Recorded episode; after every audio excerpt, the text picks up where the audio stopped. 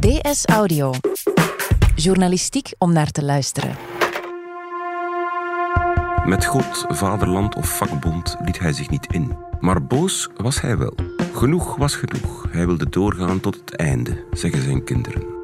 Hoe Roger Borlet onder een camion sukkelde, gesneuveld in het harnas, een geel hesje. Dit wordt een wat andere aflevering van DS Audio. Philippe Rogiers, die je net hoorde, journalist bij het Weekblad van de Standaard, leest een verhaal voor dat hij meer dan een jaar geleden schreef. Over het leven van Roger Borlet, een geel hesje. Philippe wordt met dat verhaal vandaag bekroond als een van de tien meestervertellers van 2019 uit Nederland en Vlaanderen. Dat is een onderscheiding die wordt uitgereikt door de redactie van de Stichting Verhalende Journalistiek. Het is donderdag 5 maart. Ik ben Alexander Lippenveld en van op de redactie van de Standaard is dit DS Audio.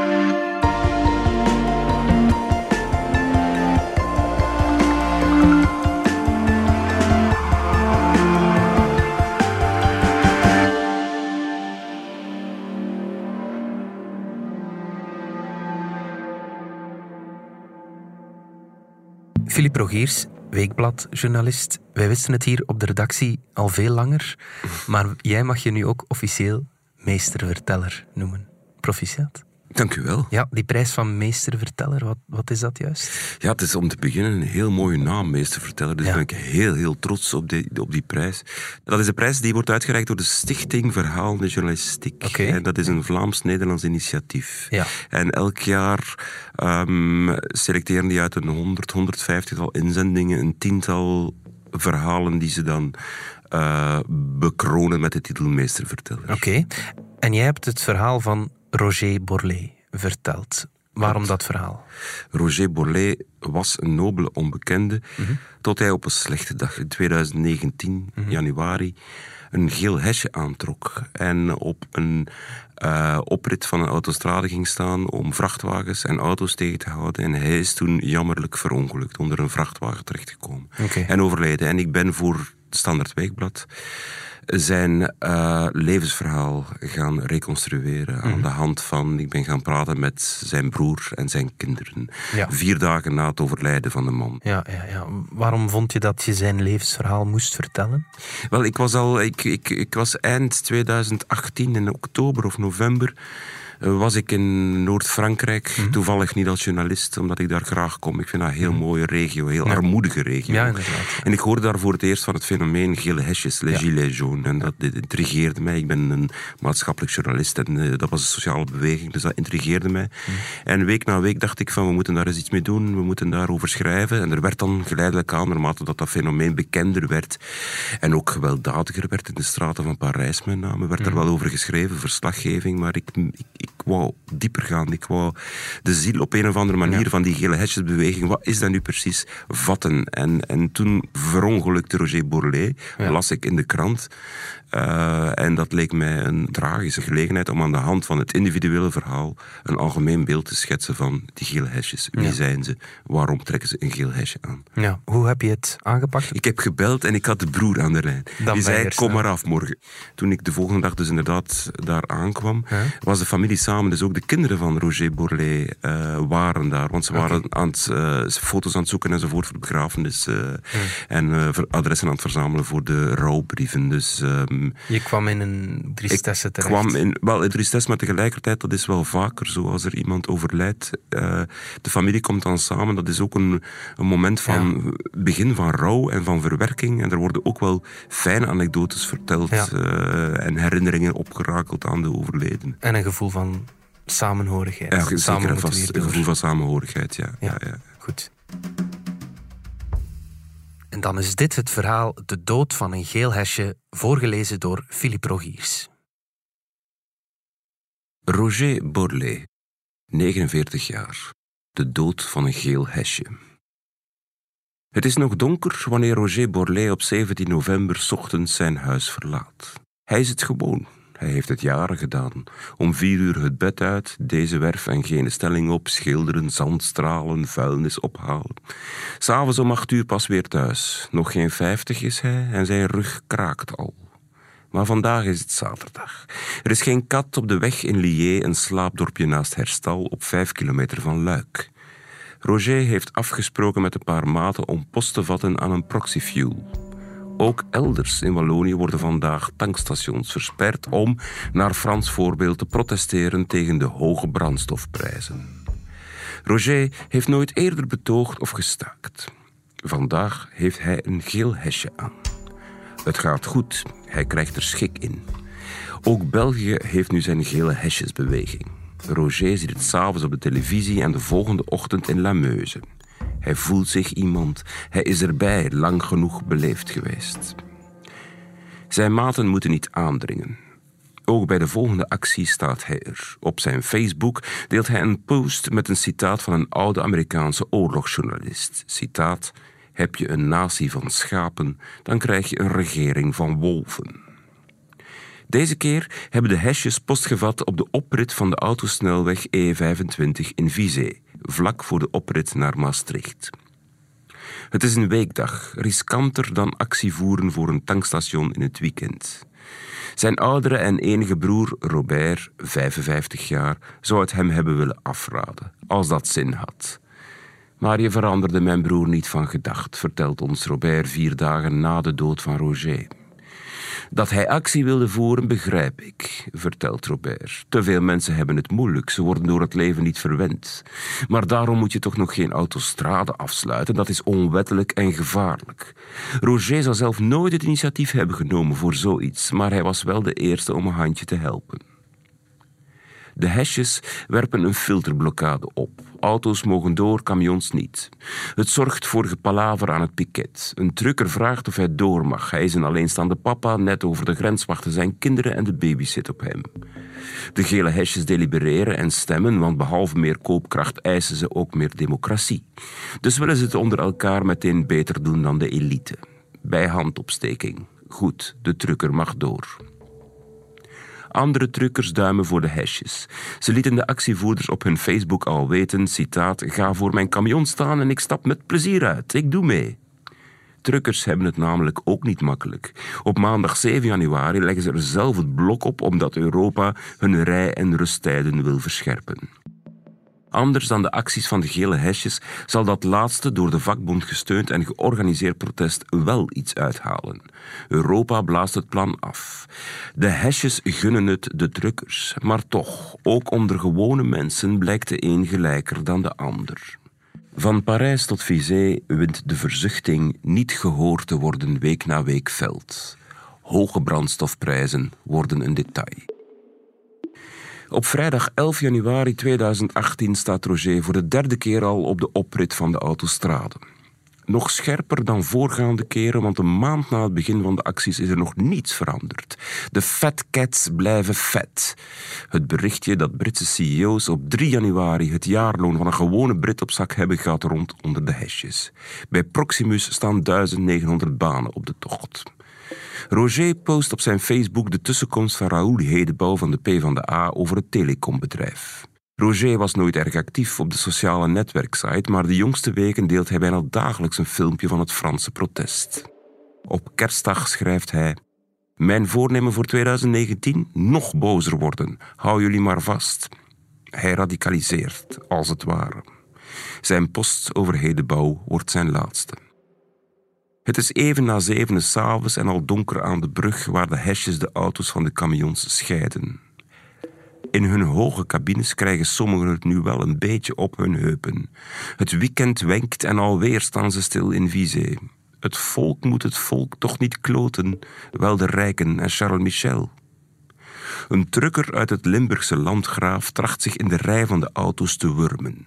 Roger gaat voor de truck staan, drie hesjes naast hem. Een van hen is zijn levensgezel, Jacqueline. Ze schrikken als de trucker ineens schakelt en zijn gevaarte een halve meter vooruit schiet. In een reflex springt Roger op de bumper, klampt zich vast aan het rooster onder ooghoogte van de chauffeur. Heeft de chauffeur Roger gezien? Schiet gij in paniek? Roger klopt met een moersleutel op de voorruit, maar de truck zet aan, rijdt door. Roger belandt voor de ogen van Jacqueline onder de tientonner. Zo gebeurde het volgens de ooggetuigen. Het onderzoek loopt nog. De trucker meldde zich pas na vier dagen bij de politie. Hij is voorwaardelijk vrij, maar wordt beschuldigd van, citaat, het opzettelijk toedienen van slagen en verwondingen met de dood tot gevolg zonder de intentie tot doden. Geen ongeluk, een moord, zeggen de gele hesjes die vorige zaterdag op diverse plaatsen in Wallonië een waken voor Roger hielden om hun colère te tonen. Zijn naam prijkt op hun hesje. Roger, n'oublions jamais. In Frankrijk waren er al enkele doden gevallen. Mijn vader is het eerste slachtoffer in België, zegt Xavier Borlée, 25 jaar. Hij zit samen met zijn zus Cathy, 21 jaar, aan de keukentafel bij hun onkel Robert. Ze zoeken foto's en liedjes voor de uitvaart. Hij is nu zo'n beetje een held voor de hesjes, zegt Xavier. Het klinkt gemengd. Het martelaarschap brengt hun vader niet terug. Maar hij had het zeker goed gevonden dat zijn maten de strijd voortzetten, zegt Cathy. Dan is zijn dood toch niet voor niets geweest. De publieke aandacht balsmt het verdriet. Roger Borlée uit Lié, held voor even. Al is het ook mogelijk dat hij zich daarboven vooral voor het hoofd slaat, omdat hij met zijn stomme kop aan die camion is gaan hangen. Suis un petit con is hoe Roger zichzelf omschreef toen hij in 2012 Facebook betrad. Hij had zijn karakter, ja, lacht Cathy, maar hij was allesbehalve méchant. Ook Robert grinnikt bij de herinnering aan zijn jonge broer. Zat altijd vol goede bedoelingen, maar sukkelde daarbij al eens in een sloot, of zeven, tegelijk. Hun vader Jean-Louis was ingenieur. Ook zijn zonen waren van het slag jongens en wetenschap.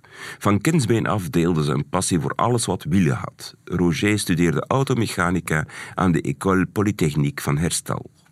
Hij droomde van een Ford Escort MK1, een oldtimer, zegt Xavier. Ik zat onlangs nog met mijn liefje te fantaseren wat we wie cadeau zouden doen als we de lotto zouden winnen. Voor mijn vader was dat dus zo'n Ford Escort MK1. De broers Borlée nemen een gelijke start.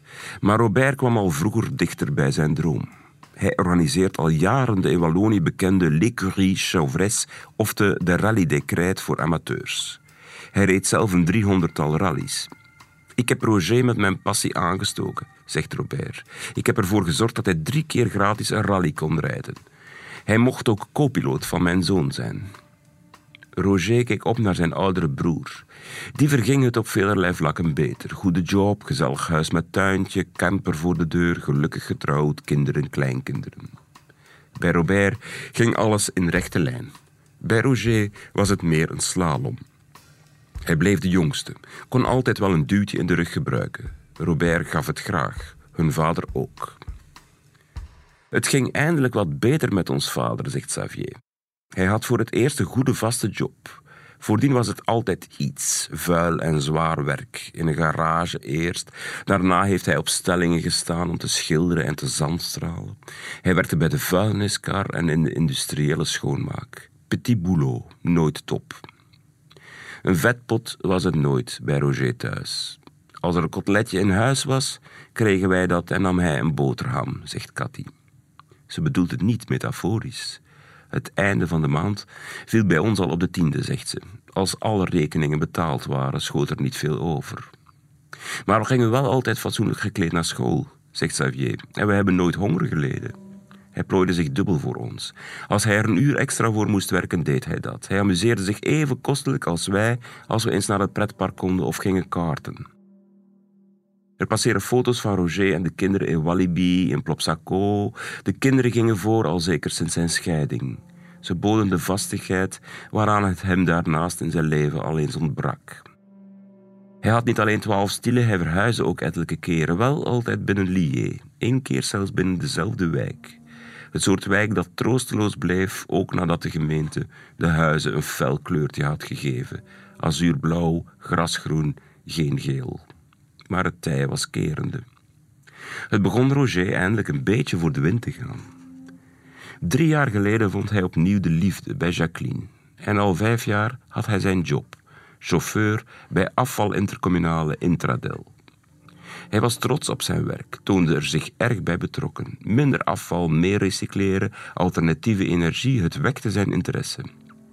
Was hij geen groene jongen? Ook hij toonde zich boos toen de politiek twee dagen na de klimaatmars in Brussel de 70.000 betogers in het gezicht uitlachte door in Europa tegen een richtlijn over energiebesparing te stemmen.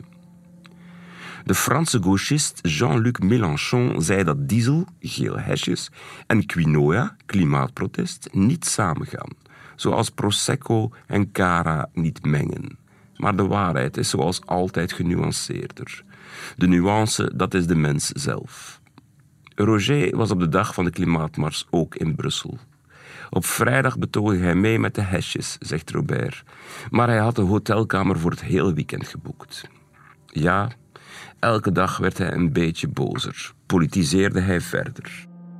Hij was niet extreem rechts, niet extreem links, zegt Cathy. Eerder van het centrum. Maar over politiek als zodanig werd er niet gepraat. Verkiezingen haalden niets uit, vond hij. Alles bleef toch bij het oude. Het werd alleen maar slechter. Genoeg was genoeg. Hij ging betogen voor onze toekomst en die van onze kinderen. Dat zei hij vaak de jongste weken. Hij wilde doorgaan tot het einde.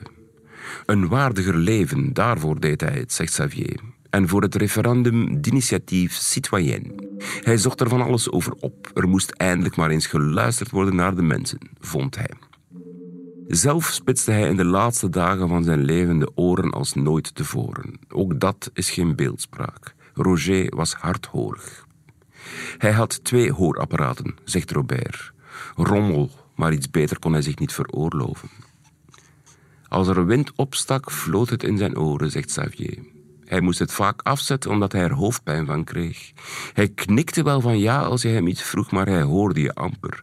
Hij was te trots om toe te geven dat hij het weer niet verstaan had. Zo verloor hij ook al eens zijn job, zegt Robert. Twee dagen voor nieuwjaar gaf zijn baas hem twee fonkelnieuwe hoorapparaten cadeau, zegt Xavier. Echt top. Hij was er zo blij mee. Op oudjaarsavond kon hij maar niet genoeg krijgen van de muziek. Hij heeft tot morgens vroeg staan dansen in de keuken. Hij hield van liedjes uit de jaren tachtig en van New Beat. Als hij uit bed kwam, zette hij de radio aan, meestal ook voor de buren. Als we op zijn begrafenis echt zijn lievelingsplaatje moeten draaien, lacht Cathy, dan wordt het de Danse des Canards. Tien dagen heeft ons vader het lawaai van de wereld gehoord, zo scherp als u en ik, zegt Xavier. Een laatste foto, nog een keer. Roger, c'était Roger. Ja, dat is hem helemaal, wijst Robert op een foto van zijn broer voor Cotalos. Het stuk vlees is zo groot dat het over de rand van het bord hangt. Roger kijkt verlekkerd toe. Groenten zijn er niet. Daar trakteerde hij zich één keer per week op, na vier dagen kinkloppen, zegt Robert. Moeilijk als het ging. Hij hield van het leven. Ik denk niet dat hij ooit een dag in zijn leven echt ongelukkig is geweest. Het weinige dat hij had, deelde hij graag. Het afgelopen jaar ging hij vaak daklozen helpen, zegt Xavier. Hij sloeg een praatje, stak ze een deken of wat eten toe. Het is ook voor hen dat hij dat gele hesje aantrok. Hij was bij mijn weten het enige gele hesje hier in Lié. Man, wat gaan we hem missen. Op de brug over de E25 hangen een hesje met zijn naam en 17 gele rozen. Beneden aan de oprit, op de plek van het ongeluk, hebben Xavier, Cathy en Jacqueline vorige zaterdag ook bloemen neergelegd aan het voorrangsbord. De politie sloot de oprit af en escorteerde de witte mars voor Roger. Ze hielden er een minuut stilte. Enkele meters verder denderden trucks en auto's gewoon door. Een razend requiem voor een petit con. Op 1 januari deelde Roger een berichtje over gewelddadig straatprotest in Oekraïne. Daar hebben ze tenminste de ballen, schreef hij. Comme nos anciens en 1968. Spijtig dat het zover moet komen om eindelijk gehoord te worden. Philippe Rogiers, nog eens proficiat en dankjewel. Dank u. Dit was DS Audio. Wil je reageren? Dat kan via dsaudio.standaard.be. In deze aflevering hoorde je Philippe Rogiers en mezelf, Alexander Lippenveld. De eindredacteur is Anna Korterink. Joris van Damme deed de audioproductie. Recht Plasgaard schreef de muziek die je hoorde in deze podcast. Chef audio is Wouter van Driessen. Het artikel van Philippe Rogiers over Roger Borlée vind je in de link in de show notes. Vond je deze podcast interessant? Weet dan dat je er elke werkdag één kunt beluisteren. Dat kan via de DS Nieuws app of via standaard.be-audio. Je kunt je ook abonneren via Apple Podcasts, Spotify of de podcast-app van je keuze. Als je daar dan toch bent, schrijf gerust een review. Zo toon je ook anderen de weg. En we vertellen met de standaard natuurlijk niet enkel in onze podcasts over wat er in de wereld gebeurt. We doen dat ook in de krant en online. Benieuwd naar een abonnement? Ga dan zeker eens kijken op standaard.be-voordelig. Daar ontdek je ons aanbod en onze promoties. Morgen zijn we opnieuw.